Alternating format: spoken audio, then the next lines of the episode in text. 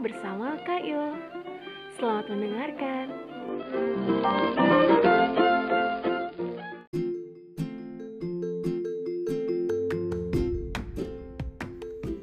Hai, hari ini aku akan membacakan cerita yang berjudul Nuh dan Air Bah.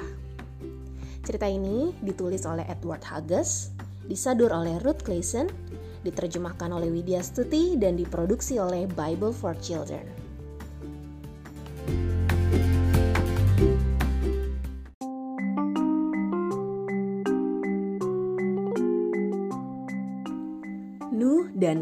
Dan Air Bah Nuh adalah seorang yang sangat mencintai Tuhan. Dia rajin memuji Tuhan dan taat pada firman Tuhan. Di saat tetangga-tetangganya yang lain membenci dan tidak taat pada firman Tuhan, tapi Nuh tidak terpengaruh oleh itu. Suatu hari, Tuhan berfirman tentang sesuatu yang sangat mengejutkan.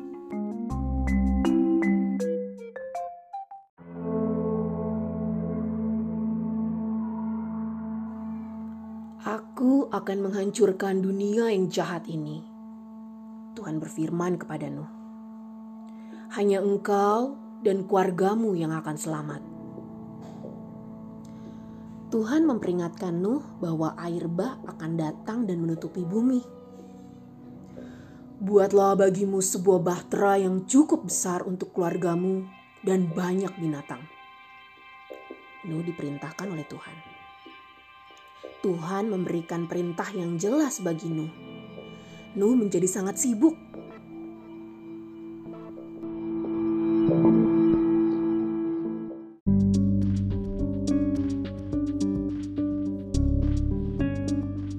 Orang-orang mulai mengejek Nuh ketika dia menjelaskan mengapa ia membuat sebuah batera.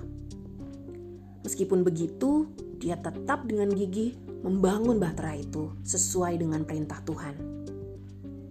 Dia juga tetap menceritakan tentang Tuhan kepada orang-orang di sekitarnya. Namun, tetap saja tidak ada seorang pun yang mendengarkan ucapan Nuh. Nuh mempunyai iman yang besar. Dia percaya kepada Tuhan meskipun hujan tidak pernah turun sebelumnya. Dengan segera, bahtera itu diisi dengan persediaan-persediaan bahan makanan dan juga hal-hal yang dia perlukan lainnya.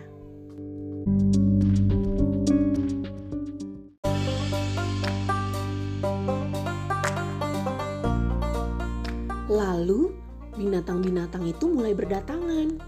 Tuhan membawa tujuh dari berbagai macam jenis, dua dari jenis yang lainnya burung yang besar dan kecil, binatang-binatang buas yang kurus dan tinggi membuat jalan mereka menuju bahtera.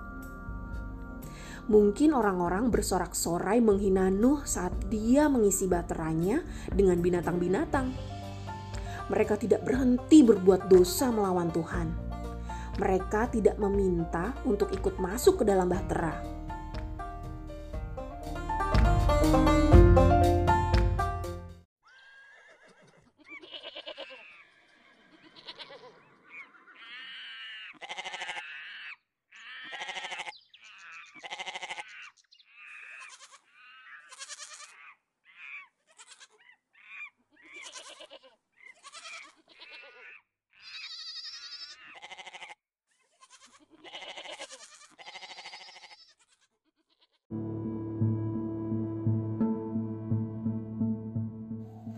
Akhirnya, semua binatang dan burung-burung naik.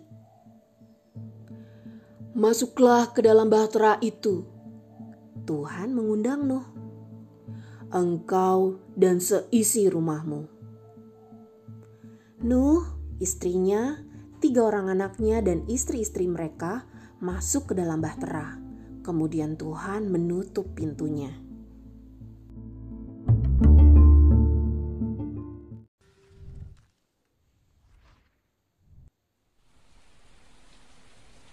Kemudian hujan turun.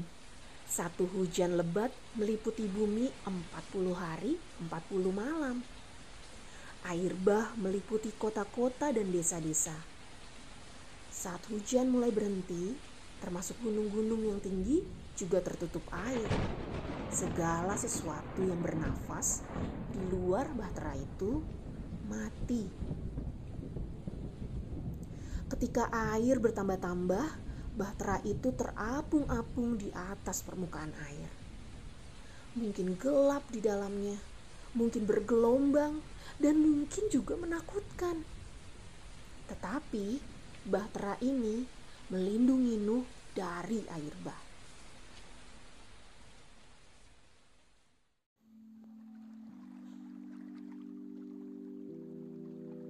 Setelah lima bulan air bah itu, Tuhan mengirimkan angin kering. Perlahan, bahtera itu terdampar di sebuah gunung tinggi bernama Ararat. Nuh masih tinggal di dalam selama 40 hari lagi sampai air menyusut. Lalu Nuh mengirim seekor burung gagak dan merpati keluar dari jendela bahtera. Karena tidak menemukan tanah yang kering untuk tumpuan kakinya, burung merpati itu kembali kepada Nuh.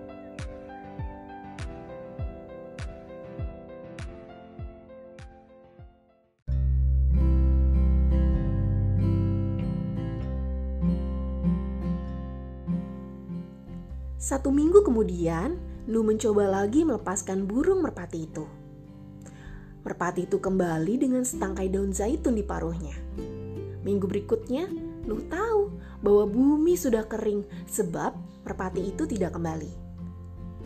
Tuhan berkata kepada Nuh, inilah waktunya untuk meninggalkan Bahtera. Bersama-sama, Nuh dan keluarganya melepaskan binatang-binatang itu.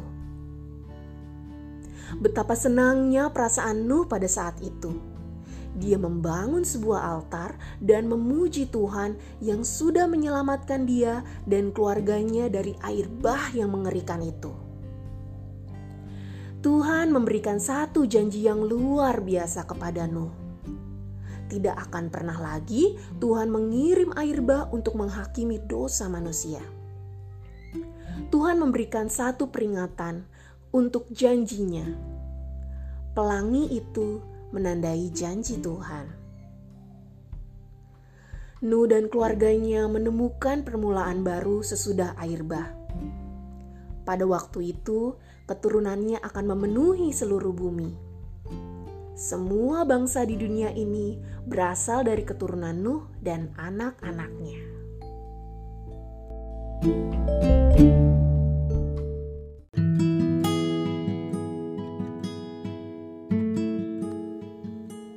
Cerita Alkitab ini mengatakan pada kita tentang Allah kita yang hebat, yang telah menciptakan kita dan ingin kita mengenal Dia.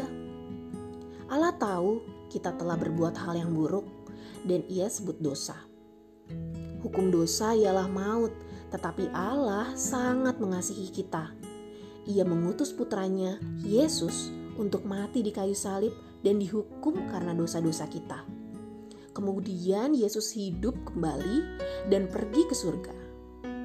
Jika kamu percaya pada Yesus dan minta Dia mengampuni dosa-dosamu, Ia akan melakukannya. Ia akan datang dan tinggal di dalammu sekarang, dan kamu akan hidup bersama Dia selamanya. Jika kamu ingin berbalik dari dosa-dosamu, katakan ini pada Allah: "Allah yang baik, aku percaya bahwa Yesus telah mati untukku dan sekarang hidup kembali. Datanglah dalam hidupku dan ampunilah dosa-dosaku, agar aku dapat memiliki hidup yang baru sekarang, dan suatu saat nanti pergi bersamamu selamanya. Tolonglah aku untuk hidup bagimu sebagai anakmu. Amin. Bacalah Alkitab dan berbicaralah pada Allah setiap hari. Sampai jumpa.